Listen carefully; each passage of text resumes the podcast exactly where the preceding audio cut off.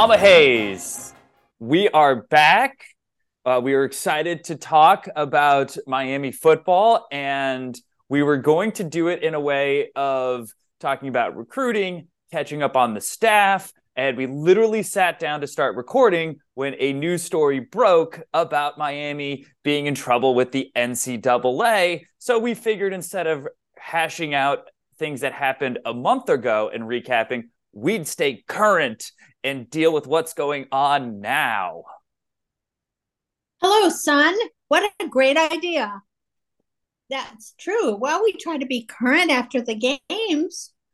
Okay, so let's talk about this um, sanction from the NCAA, which is their first NIL sanction. How about that? But, mom, you forgot the most important thing to do at the beginning of each podcast. Welcome, Canes fans. You almost forgot there for a second. You weren't sure what I was talking about. So well done. It's good to have Canes fans back, all five, ten of you. So thank you for joining us. Yes, thank you. And uh, happy spring. It's been a great spring down here in southern Florida. That's it's not spring yet, though. It won't be spring for another couple of weeks. Thanks for rubbing it in to the rest of the country. But I did hear the East Coast, the Northeast, was around 80 degrees yesterday. So how about well, that? that? That won't last. I, thanks, Mom. I, I figured that was the case. So we're not going to hold people anymore. We're going to get into this case and the NIL sanctions. I cut you off a little bit there. So go ahead into catching everyone up that might not have seen what's happened. Okay, well, I just read the story, so um, I am. Uh, this recap is going to be just a little short because um, I haven't studied it that long. So the NCAA had found an impermissible meal, right, um, between John Ruiz, our great supporter, Miami supporter, who hardly ever gets us into trouble.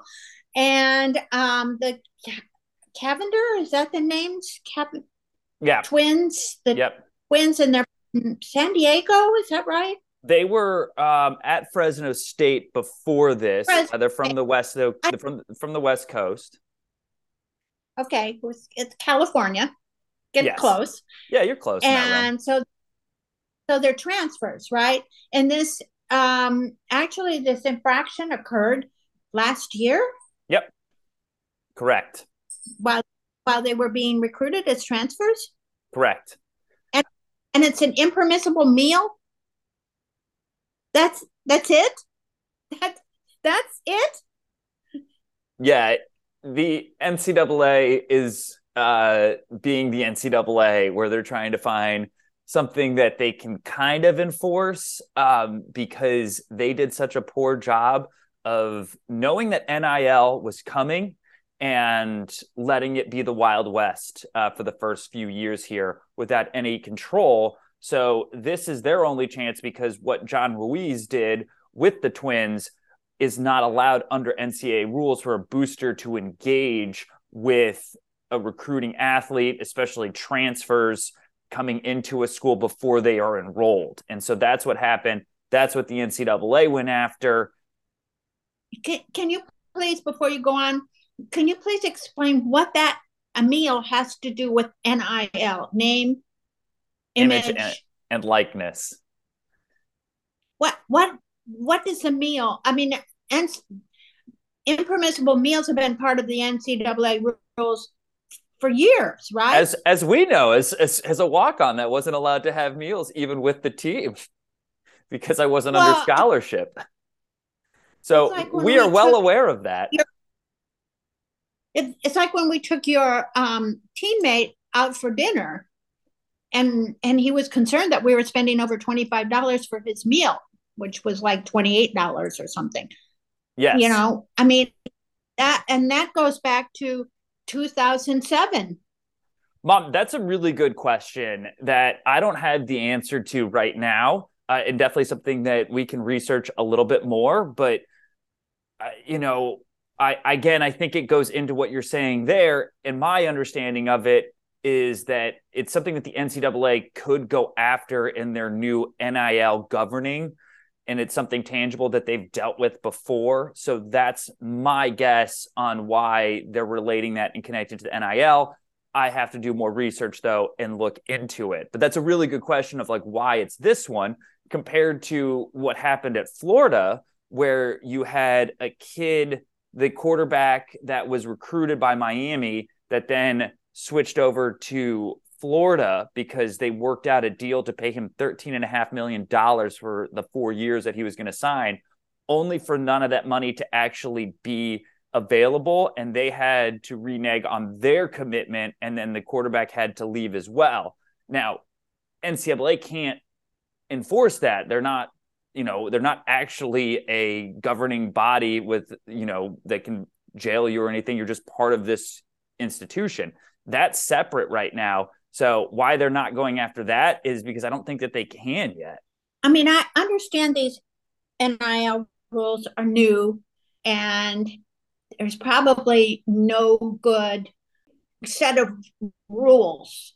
Uh, that's not the word I want to use, but that's the that's where I'm going. There's no there's there's no context in which to make decisions on impermissible actions.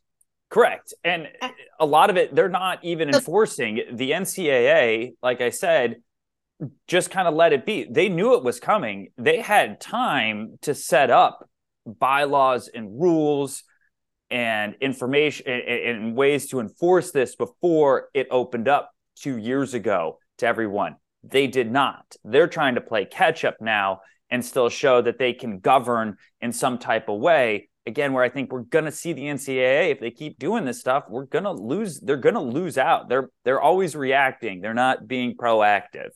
That's certainly the way it looks right now. Um, I, I I don't know. I, I mean, I can sympathize with the fact that we're all scratching our heads um, about what's going on, including the NCAA and the coaches and I don't think John Ruiz is scratching his head because he's just doing what he wants to do.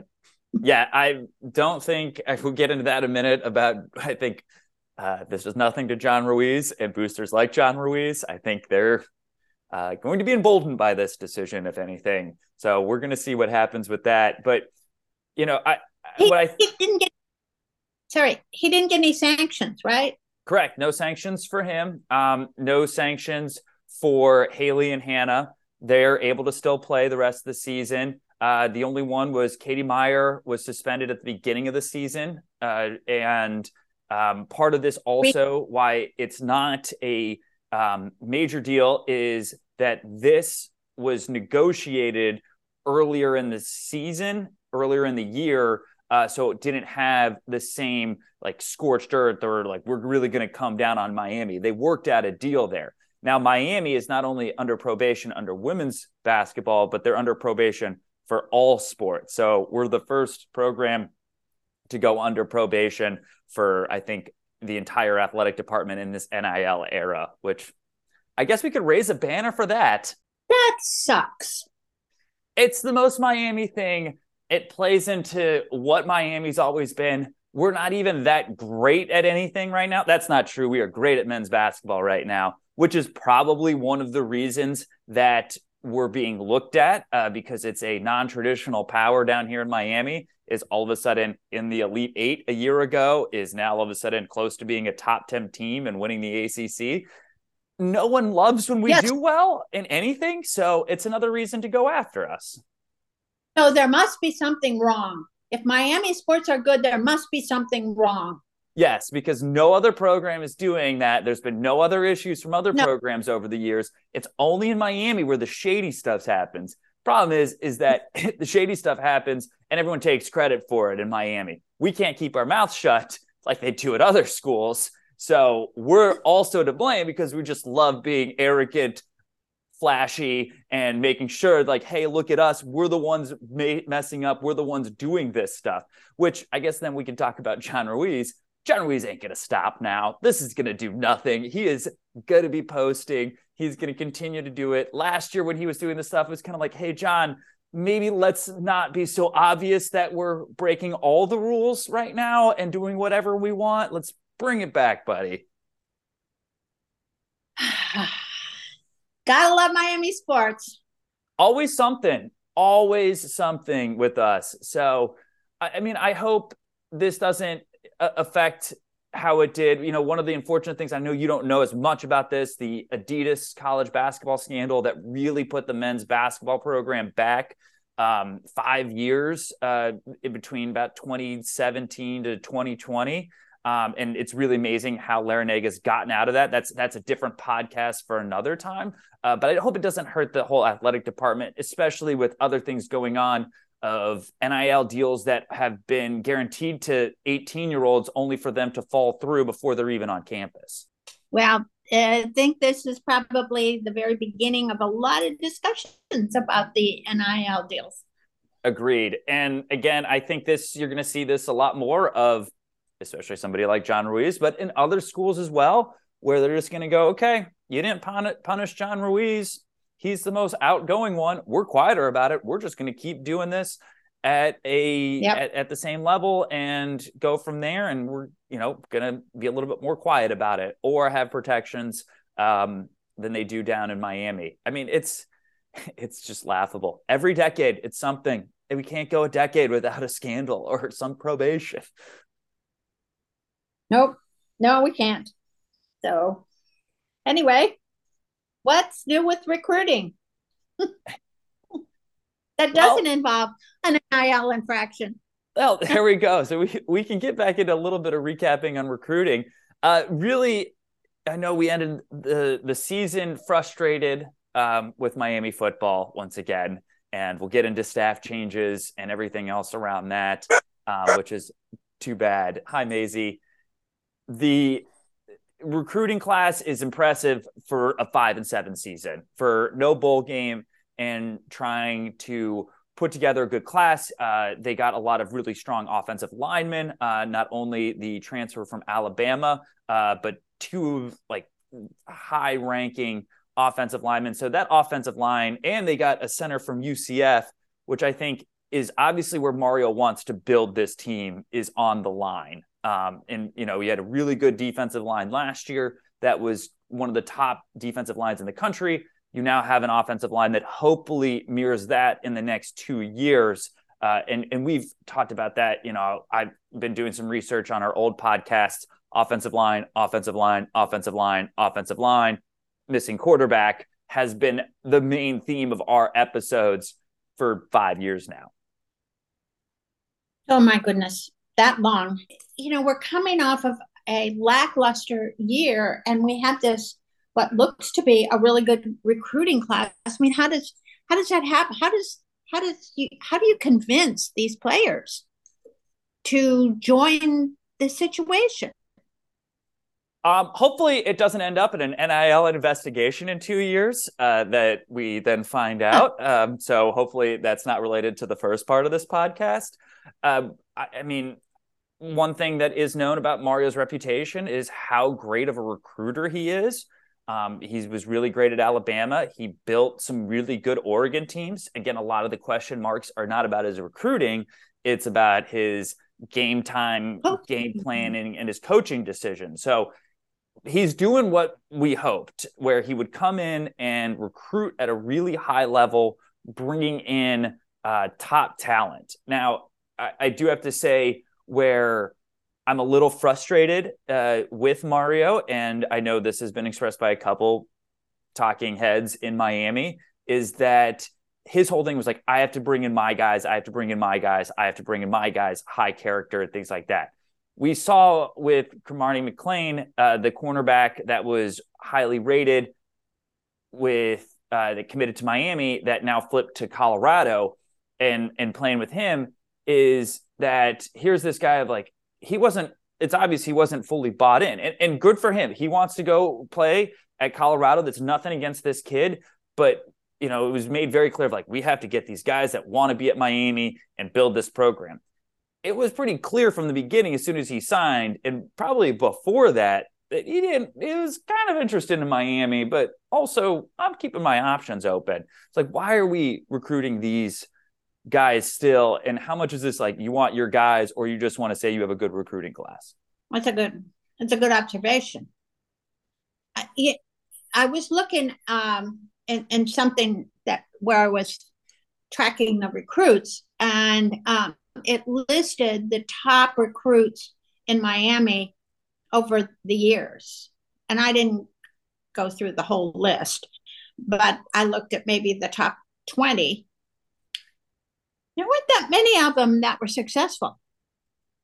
I don't love recruiting it for that sense. You have no idea how a high school kid is going to react once they get to college. You have no idea how they're going to develop. Um, some of the kids that are really good in high school uh, are really good because they developed when they were 16, 17, or were held back a year.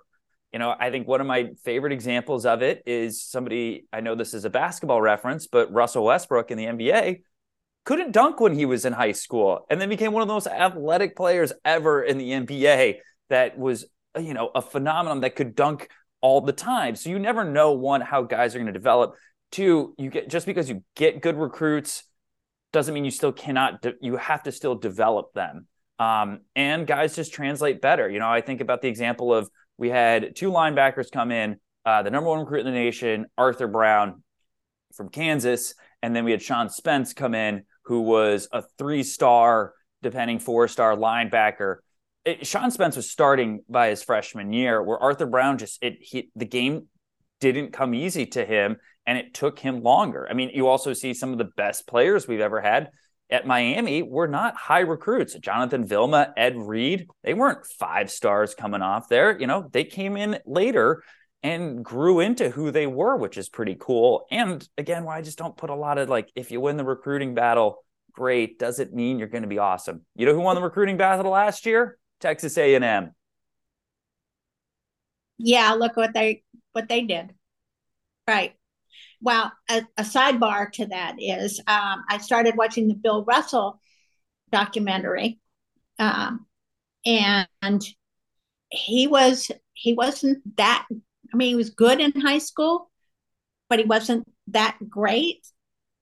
And you know, he developed in college, but he really didn't develop till he got to the NBA. So that what a great example that is of exactly what you're talking about. And, and we'll so, make it a little bit more current uh, for people because I went Russell Westbrook from the mid 2000s. You went Bill Russell. Look at somebody like Joe Burrow. Joe, Joe Burrow went to Ohio State as a top recruit, couldn't get on the field, went to LSU. That year he played us in that first game, looked terrible, didn't have a great year and then something clicked the next year and now he's a great quarterback. I mean, it took him a lot of years.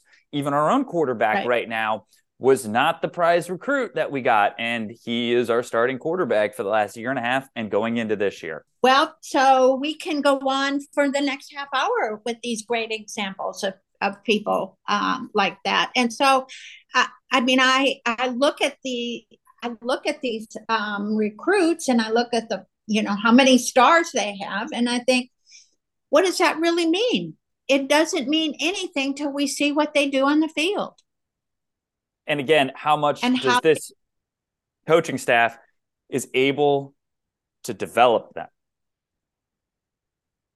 we've got four guys coming in from img and that's great and and that's where you want to get guys from because that's where alabama's had a lot of their success Georgia's gotten a lot of those guys and helped to build their program. So you're hoping that that happens. But what Alabama is really good at and what Georgia has become really good at and what made Clemson really good is they got those top recruits and they turned them into top NFL prospects. Can Miami do the same? Mario, you've got to show it here in the next couple years. You've got the leash to do it with the big 10 year contract. Let's see it but after the first year, I'm skeptical that there, you know, we had those things of we got these new coaches in, all that. I'm not going to get into staff changes. That is going to set me off for 30, 40 minutes. Signing day has already happened, right? Yes. So are they going to get, are they, are, is there really uh, a chance to get anybody else at this point? That is, uh, there is a the trans the next transfer window is after spring practices. So, you know, what didn't used to happen, but now you can get into the transfer portal when you realize, oh, I'm not playing at all during spring practice. I need to go. And our biggest hole still is outside wide receiver. We don't have that. And so there's a lot of hope that a receiver that's pretty decent or realizes maybe I don't fit into this offense all of a sudden uh, at their school now opens up and wants to try something new or come there. Again, you gotta hope, but you're not gonna probably get if it's a starting wide receiver that's really good at a school right now. I don't think they're gonna transfer, so you're kind of hoping for a backup that might be in a bad situation and develop. But again, it's a lot to ask for, and I'm not gonna, you know, this isn't free agency or anything like that. You just hope maybe you get somebody that was overlooked. Um, and you have, you never know though. Hopefully, you end up with somebody like Colbie Young that comes in but that's still asking a lot that you get some, you know, JUCO transfer late in the game that then develops. All right, so Miami under trouble. We've got a decent recruiting class. Um, hopefully, we don't get too many more probation or issues, so we run out of scholarships again. Mom, let's get the good people out of here. It's been fun to be back.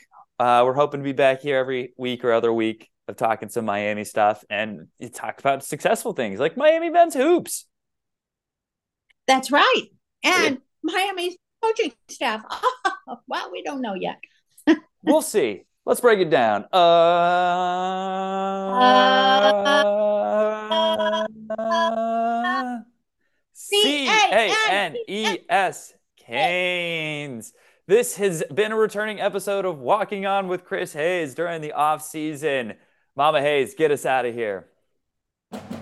Go Canes!